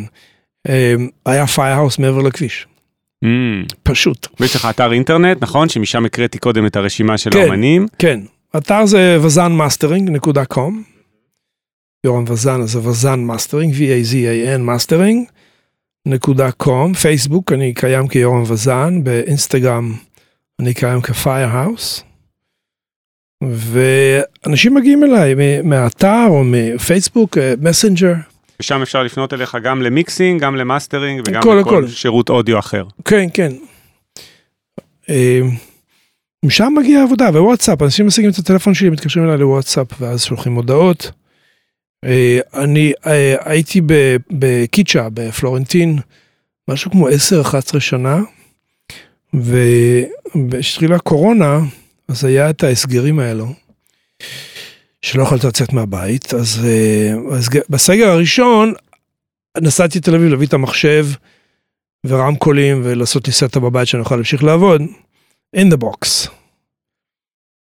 עשיתי את זה, ואז, אה, טוב, עוד קפיצה לתל אביב, להביא איזה קומפרסור, עוד קפיצה לתל אביב, לאיזה EQ. טוב, אני מוצא את עצמי עובד מהבית, משלם שכר דירה בתל אביב, ארבעה חודשים, והקורונה לא עוברת.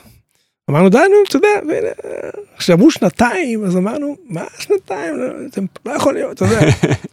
פתאום אני קולט, בוא, אני משלם שכר דירה בתל אביב, ואני עובד בבית, ועובד, עובד נהדר, לקוחות מראש פינה עד אילת, ואני עובד, אתה יודע.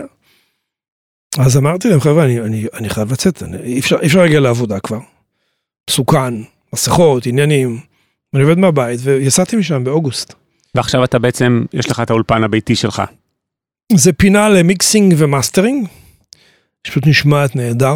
הבאתי את עומר קרני, שהיה תלמיד שלי בספיר, אני מכיר אותו שנים, עשה לי שם טיפול אקוסטי, as simple as possible, ופשוט יצא מדהים, יצא מדהים. איזה באמת. יופי. טוב, אני רוצה לשאול אותך שאלות שמטרידות את אה, כולם. כרטיס קול. לי יש כרטיס קול, דיברנו על זה לפני שהתחלנו להקליט. לי יש כרטיס קול פשוט, Audient, ב-2800 שקל. עד כמה אני צריך להיות מודאג, ועד כמה כל מי שמקשיב לזה צריך להיות מודאג לגבי איכות הכרטיס קול שלו. אתה קודם אמרת לי לפני שהתחלנו להקליט, עזוב אותך, זה עושה את העבודה. כן, כן. אז אה, למה כולנו מודאגים שהכרטיס קול שלנו לא מספיק טוב? והאם אתה חושב ששווה להשקיע 12-14 אלף שקל בכרטיסים האלה של אה, אבוסט וכולי? בהחלט אפשר להשקיע, גם 20 אלף שקל ויותר, אם יש לך את הכסף, why not? תלך על הכי טוב. אבל תלוי במצב שלך, אם ה business שלך, האולפן שלך מכניס עבודה, ויש אה, רצף בעבודה וזרימה, אז ודאי ששווה להשקיע בציוד יותר איכותי, כי ככל שתשקיע בציוד יותר איכותי- החסם יותר טוב, ועוד עבודה תגיע. אבל אם אתה עובד עדיין לא כל כך ברצף וקצף ומצדיק את זה, עדיף להשקיע בפריאם טוב, במיקרופון סביר, ולעשות, לך הקלטה טובה, אתה מבין? אה, כי אין לדבר סוף, כאילו, במה תשקיע? אתה חייב שיהיה לך טיפול אקוסטי, זה must. זה הדבר הראשון שהיית אתה ממליץ? חייב, אתה לא יכול לעשות מיקסים בחדר, שיהיה לך טיפול אקוסטי נאות, זה לא, זה יישמע טוב בחדר, אבל רק בחדר הזה. חבר שלי אומר, זה למכור את ה-CD עם רמקולים. זה, זה, כאילו, זה חייב להישמע טוב בכל מקום, לפחות שזה יגיע למאסטרינג, אני לא אזהה בעיה אקוסטית אצלך בחדר, איזה בלון ב-80 הרץ, שהחדר יוצר בלון ואז אתה לא שם 80 הרץ בכלל, או להפך. מהמם. אם חסר 80 הרץ בחדר, או החדר בולע 80 הרץ, אז אתה מגביר 80 הרץ במיקס, סתם דוגמה. אז כל מיקס שלך יוצא משם, אתה שומע אותו ברכב, אז אתה לא מבין מה שכזה כזה boomy כזה לא נעים. כן. אקוסטיקה אתה חייב, לא יעזור שום דבר. במקום לקנות כרטיס קול, תשקיע באקוסטיקה. אנשים לא עושים את זה. לא מבינים את החשיבות. מאוד חשוב שיהיה אקוסטיקה נכונה. רמקולים נכונים. ה monitoring הכי חשוב. כרטיסי קול נשמעים נהדר, זה לא, בסדר, ברור שאתה יודע, אם תקנה עכשיו גם mastering console ב-80-90 אלף דולר, יהיה לך סאונד מדהים. אבל זה יותר ריאלי, אתה מבין? זה, זה בסדר. אה, אה, הם התחילו. אז, אז אני אומר, אתה, אין לדבר סוף, אתה יכול להשקיע מיליונים בציוד, אבל אם כלי מסוים עובד לך, צריך להשקיע בדבר הנכון. אז בוא תסדר רגע את זה בטיפים לבונה, מישהו שבונה היום אולפן. ביתי, ב- מינימלי או בינוני, מה הדברים הכי חשובים? אמרת אקוסטיקה ורמקולים קודם כל? כן, רמקולים והאקוסטיקה שמתאימה לחדר ולרמקולים. ברגע שיש לך את זה, אתה עובד במקום שנשמע טוב. אז כבר, כל דבר שתקנה יישמע טוב. אם אתה קונה monitoring controller של כל חברה, זה יישמע טוב, זה לא קטסטרופה, זה יישמע בסדר גמור. רק לא איכותי ברמות של Crane Song, או אתה יודע, כל הדברים שיש היום שם. אה, יש מלא דברים. בסדר, אם תעשה מאסטרינג ברמה יותר גבוהה ומגיעים לקוחות רציניים, אתה חייב לשפר את המערכת, אתה לא להישאר עם אותו קטע. אז, אבל בתור התחלה יש לך משהו שנשמע טוב, רמקול שבעים נהדר. מיקרופון להקלטה, תקליט מיקרופון יותר טוב, 414, זה Neumann טוב, ו preamp נהדר, חייב לעשות preamp טוב. מהמם. מגיע שלב, אתה לא יכול להשתמש, איך אומרים, להסתמך על ה preamp שיש בכרטיס קול. יש אה, את, את, אה, יש לי את, איך קוראים לזה, Merging Technologies, יש להם preamp מדהימים בכרטיס קול, מדהימים. בסדר, זה נהדר, זה עובד נהדר, יש להם טווח דינמי של 136 dB, זה משהו מטורף לגמרי, נשמע מהמם. מדהים. ואני לא מקליט, כן? אני, לא, אני אפילו לא נהנה מהם. אבל אה, אם יש לך כרטיס קול שה preamp נשמע טוב, אז תקנה מיקרופון טוב. אתה לא עושה הקלטות כרגע אצלך, ממש לא. זה אולפן לעריכה. כלומר לעריכה, מיקס ומאסטר. עכשיו שים לב, דבר מאוד חשוב, כבלים. כבל למיקרופון, כבל לרמקולים. כבל למגבר ש... כן, שאתה נכנס אליו למגבר. אם זה. רמקולים פסיביים, כן. איזה רמקולים פסיביים, בדיוק. או כבל שיוצא מהכרטיס קול לרמקולים אקטיביים.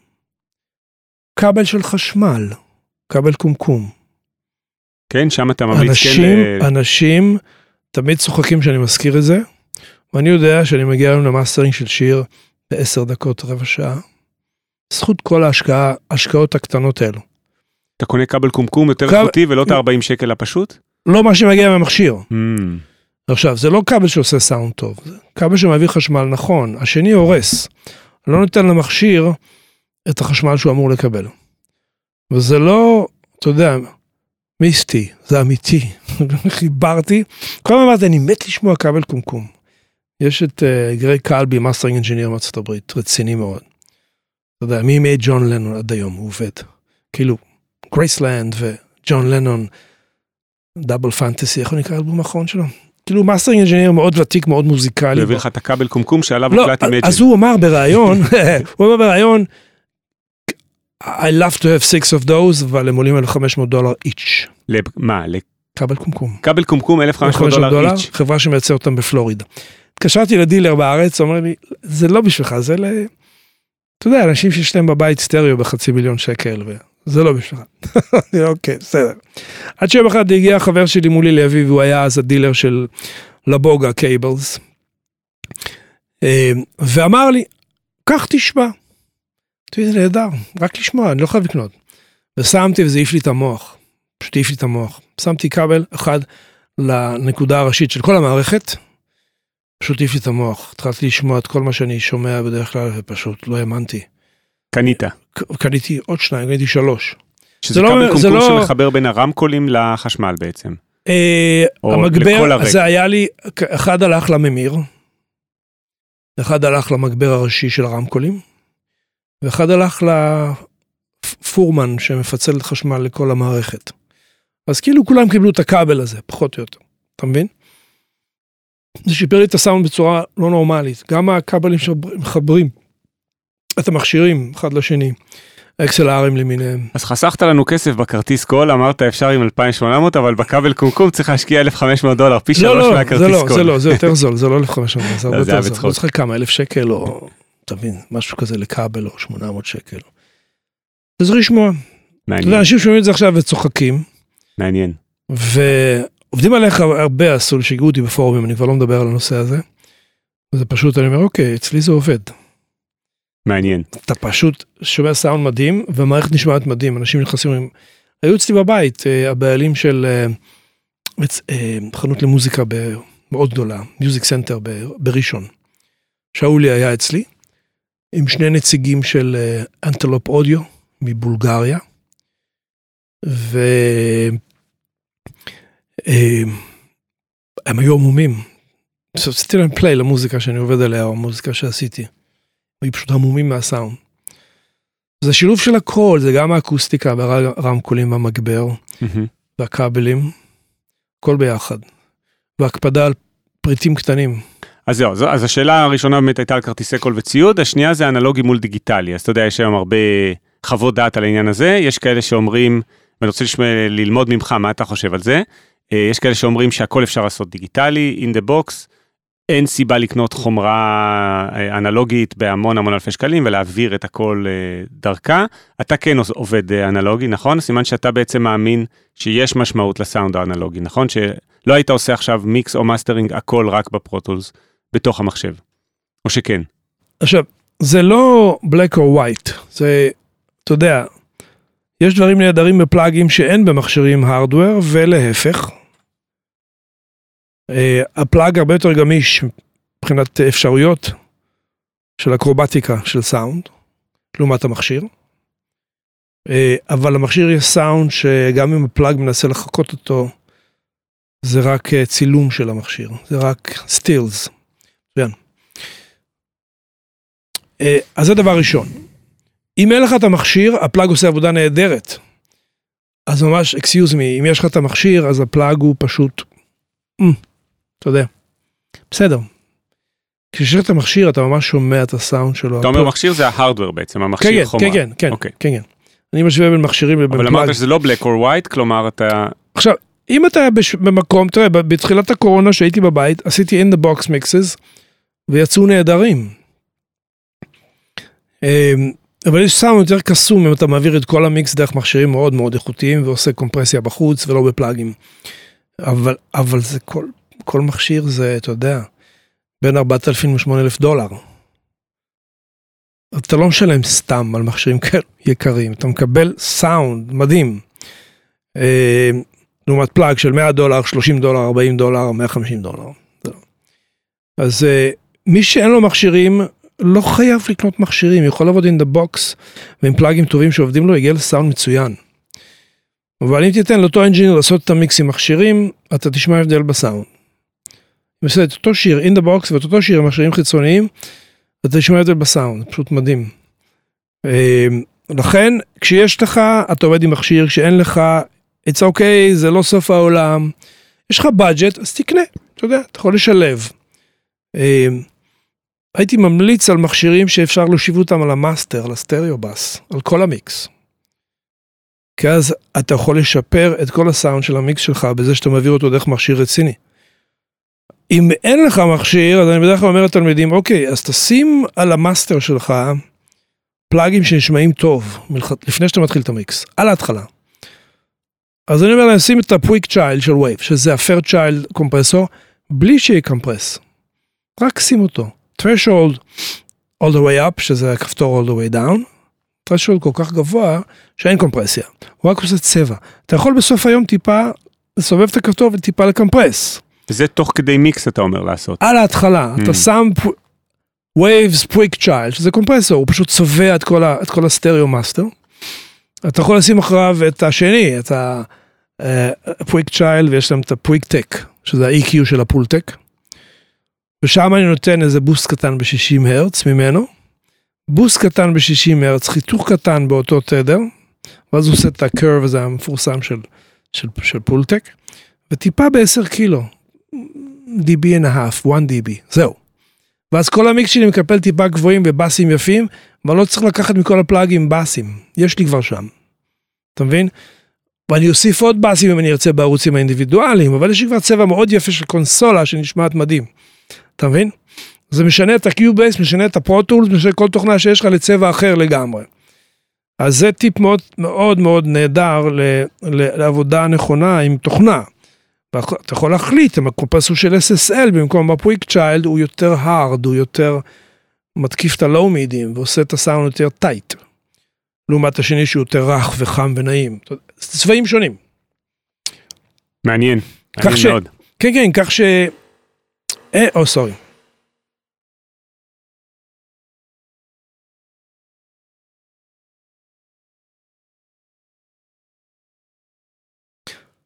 כך שאין אין כללים, אה, זה יותר טוב מזה או זה יותר טוב מזה, אתה צריך לדעת לשלב ביניהם אם יש לך. אתה גם לא יכול לצאת עכשיו לקנות, לקנות, לקנות, אתה יכול, יש לך תקציב, תקנה את כל העולם. פיין, אין, אתה יודע, סבבה. חברו לך את זה בכיף, תוכל ליהנות, לשחק. אבל צריך להיות ריאלי גם כן, לקנות דברים שהם במסגרת הקליינטורה שלך והתקציבים שלך וכולי. יפה, טוב יורם, תראה, אנחנו כבר, אני חושב, שעה או כמעט שעה פה, וזה הפרק ממש טס, והיה פה פרק ממש מרתק כבר עד עכשיו, אה, עם המון המון אה, גם ידע טכני, אה, גם על מיקס ומאסטרינג, אפילו עכשיו טיפים של איזה plugin לשים ואיפה ל... אה, להעלות ואיפה זה, אני חושב שאנשים יכולים לקחת מזה המון המון. אה, אני רוצה ככה כמה שאלות אחרונות. אה, לפני שנסיים אז שוב קודם כל המון המון תודה שהגעת אני חושב שזה יצא באמת כיף. פרק אה, מלא מלא ערך לכל המאזינות כיף, והמאזינים. כיף, גם לי הזמן טס. ממש ממש טס. אמ, אחד זה מעניין אותי לשאול אותך איפה אני כזה שואל אה, כל אורח איפה אתה רואה את עצמך עוד חמש שנים מה אתה מייחל לעצמך עוד חמש שנים. אה, אמרת שנולדת ב-59? שבע. 77? בגיל 65. תעשו את החישוב כולם טוב אמרת כבר אז איפה אתה מייחל לעצמך להיות עוד חמש שנים? תראה, זו שאלה צריך לשאול מישהו בגיל 25, 30, 35. בגיל שלי אני כבר אה, נהנה מהעשייה הזו. אנשים בגילי עוד מעט יוצאים לפנסיה, ואצלנו אין, כאילו אין פנסיה, אנחנו ממשיכים לעבוד כי יש לנו כל כך הרבה כיף. אמן ואמן. אמן. אתה לא מתכנן לצאת לפנסיה בגיל 67. לא. בעשייה הזו, אתה יודע, זה, זה כאילו, אני זוכר בניו יורק שהייתי, חזרתי בתשובה בניו יורק בשבע שנים האחרונות. אז הצטרפתי לבית הכנסת מקומי והיו שם כולם עורכי דין חוץ ממני and the rabbi. כולם היו עורכי דין. יום שני היינו לסאבווי אחרי התפילה ביחד. אתה רואה אנשים שמרוויחים 700 אלף דולר בשנה, ואני בקושי סוגר את החודש, עולים לרכבת ואני מחייך מאוזן לאוזן, והם הפרצוף לרצפה. אני אומר לו, what's happening? ואתה יודע איזה הרמה מחכה לי על השולחן עכשיו? הוא עורך דין. אתה יודע איזה הרמה של קייסים מחכה לי עכשיו על הזה? ואני אומר לעצמי, חייכתי ולא, אתה יודע, כזה, הבנתי. קווינסי ג'ונס אמר את זה, אתה יודע, כאילו, we're so lucky שאנחנו עושים כזה דבר, אתה מבין?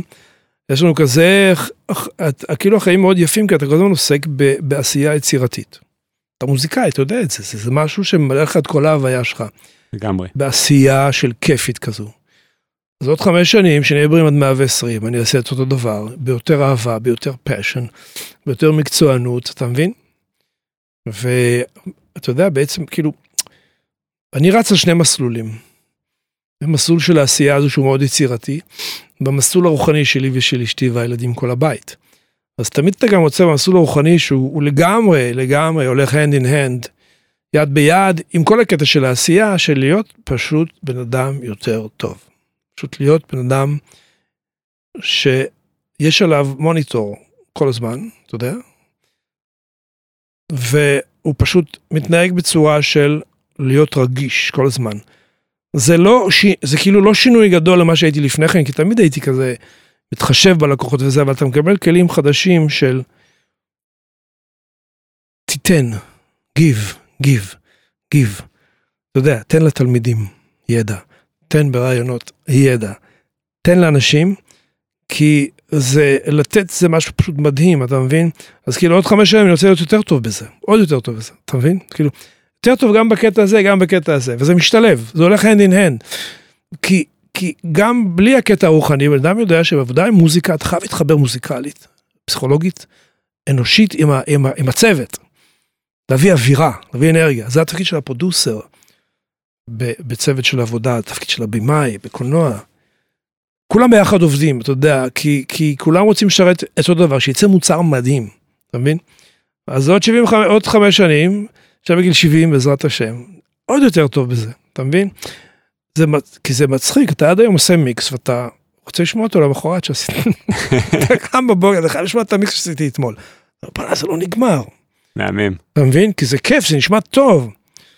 וזה פשוט נהדר, כי זה גם, זה הולך ועולה, אתה מרגיש שזה הולך ועולה. אתה אמר, אם אתה עכשיו בן 65 ואמרת שבשלוש שנים האחרונות אתה סוף סוף מרוצה מהמאסטרינג שאתה עושה, זה מהמם לחשוב על זה ככה. כן, כן, מדהים. זה לוקח זמן. יאללה, ויורם, לפני שנסיים עוד איזה משהו, קודם כל זה, זה היה סיום מהמם לפרק אני חושב. אה, ואני מאחל לך שתמשיך גם עד גיל אה, אמן. 120 לעשות אה, מאסטרינג וככה בגיל אמן. 115 תבוא ותגיד סוף סוף למדתי קומפרסור כמו שצריך. ואם יש לך עוד משהו שאתה רוצה להוסיף למאזינים שמקשיבים לזה בין אם זה טיפים על מאסטרינג או על קריירה אה, במוזיקה אה, אז אה, זה הזמן. תראה, הטיפ הכי גדול למקצוע שלנו זה, אשר פדי אמר את זה, אמר משפט מאוד יפה, מה זה אהבתי לשמוע את זה. יש לי אגו, גדול, אבל אני משאיר אותו בבית שאני בא לנגן. זה דבר מאוד בריא לומר, כי צריך שבן אדם יהיה לו אגו, אבל הוא צריך להשאיר אותו בצד כשיש masters of music, masters of audio, שהוא עובד במחיצתם. אותו בחור שעבד אצל האנס זימר, שהיה פה אצלך. שלו אלון. אני בטוח שהוא היה שם, הוא הוריד את האגו שלו כדי ללמוד מהמאסטר. אם אתה מרוקן את עצמך מהאגו, אתה, you make a space, אתה יוצר חלל שאליו המאסטר יכול לשפוך את הידע שלו אליך. זה מה שעשיתי ב-82, עבדתי עם Masters of Engineers, אנשים מדהימים של הקלטות. ופשוט אתה מקטין את עצמך כדי להיות יותר גדול. יש משפט שאני אומר לתלמידים, know how small you are and how great you can become. אוקיי? אז תשים את האגו בצד, תדע כמה שאתה קטן היום כדי שמחר תהיה יותר גדול. מחר תהיה יותר גדול ממי שאתה היום, ולא יותר גדול מההוא וההוא וההוא וההוא. מחר תשאוף להיות יותר גדול ממי שאתה עכשיו, אתה מבין? אז כל יום אתה תהיה יותר טוב. אתה מבין? זה כמו, קח את האנלוגיה הזו של שאנחנו ילדים קטנים מגיל 16, מרגישים את עצמנו כאלו גדולים, אתה יודע, כי היינו ב-12. פתאום תגיע לגיל 20, אתה אומר, מה זה מגוחך, הייתי בגיל 16, וכן הלאה וכן הלאה. אז קח את זה מבחינת העשייה וההוויה של החיים שלך, של מה אתה יכול לתת לקהילה, מה אתה יכול לתת לאנשים. ואת זה תשפר כל הזמן, כי זה יחזור אליך. יחזור אליך. ווטנג חזרו אליי, ווטנג היו אצלי כעשו דמוס. בסדר? אני אסיים בזה. הם עשו אצלי דמו, ו, והם היו באים מהעבודה. אומרים לי חברת חשמל, וזה עובד במחלבה, וכל מיני עבודות מוזרות, היו עם הנעליים שלהם, בוטס כאלה של אנשים שעובדים עבודה קלה, באים לאולפן עושים ביטים בלילה. אז הם היו אצלי ממש בהתחלת דרכם. ו, וכשהיה להם שורט, לא היה להם כסף לשלם, ולפעמים לא היה להם, no problem man, you'll come back, I know you'll come back. When you have it come back, you pay it, I'm sure, I, I trust you. ואז כשהם קיבלו את הדיל הגדול, אז הוא התקשר אליי, RZA, הוא היה ה head של ה Wu-Tang, הוא עדיין ה head של ה Wu-Tang. הוא אמר לי, יורם, we're gonna pay you back. I have six albums. Gonna do it in your studio. יפה. אז אמרתי, תראה, שלח לחמך, אני עזרתי להם באמת באהבה, והם חזרו אליי. וזה הביא לי את ה glory של כל האולפן, כאילו זה הפסגה של האולפן, זה האלבום שהם עשו אצלי, כי זה הפך להיות להיט. מטורף. יפה, סיפור מהמם. ואם היית קצר איתם על ההתחלה ואומר להם לא, אם אתה לא משלם לי כן. עכשיו, אה, אתה כל. זה היה קורה באולפן אחר אחר כך. אקזקטלי, ממש כך. יפה. זה סיום מהמם לפרק הזה. יורם וזן, המון המון תודה שהגעת. תודה, תודה. יצא פרק מהמם, גם רוחני, גם עם המון השראה וגם עם uh, הרבה סיפורים uh, ממש מרתקים. ידע טכני, כל מה שפרק צריך להיות. בהחלט, תודה. תודה. אני אגיד המון המון תודה לכל המאזינות והמאזינים על ההקשבה. אתם מוזמנים כרגיל למצוא עוד מידע בבלוג שלי, לחפש בגוגל, אה, להצליח במוזיקה, הבלוג של עמית ויינר. אה, וכרגיל אתם יכולים לעקוב אחריי בלינקדין, אה, או בפייסבוק, או באינסטגרם, ולפנות אליי בכל אחת מהרשתות האלה, או באימייל. אה, באינסטגרם אני גם כן מעלה הרבה פעמים אה, חתיכות מתוך הפרקים האלה, דברים מאוד מאוד מעניינים. והכי הכי חשוב, לא לשכוח לדרג את הפודקאסט ולעשות לו follow בספוטיפיי, יש לו כבר הרבה מאות של followers. תוסיפו אם עוד לא עשיתם, לא לעשות זה בזמן נהיגה, תעצרו רגע בצד, תחצו פולו, ואז כל פעם כשיוצא פרק חדש זה יקפוץ לכם. וגם זה עוזר לו להגיע לעוד אנשים שזה יעניין אותם. יורם, תודה רבה, בכיף. תודה לכל מי שהאזין, נתראה בפרק הבא. יאללה ביי. להצליח במוזיקה, פודקאסט אופטימי על קריירה במוזיקה, על שיווק למוזיקאים ועל איך לקחת את החלומות שלכם ולהפוך אותם ליום-יום שלכם. עמית ויינר מארח אורחים מוזיקאים, יוצרים ואומנים שמספרים על החיים והבחירות שלהם בקריירה.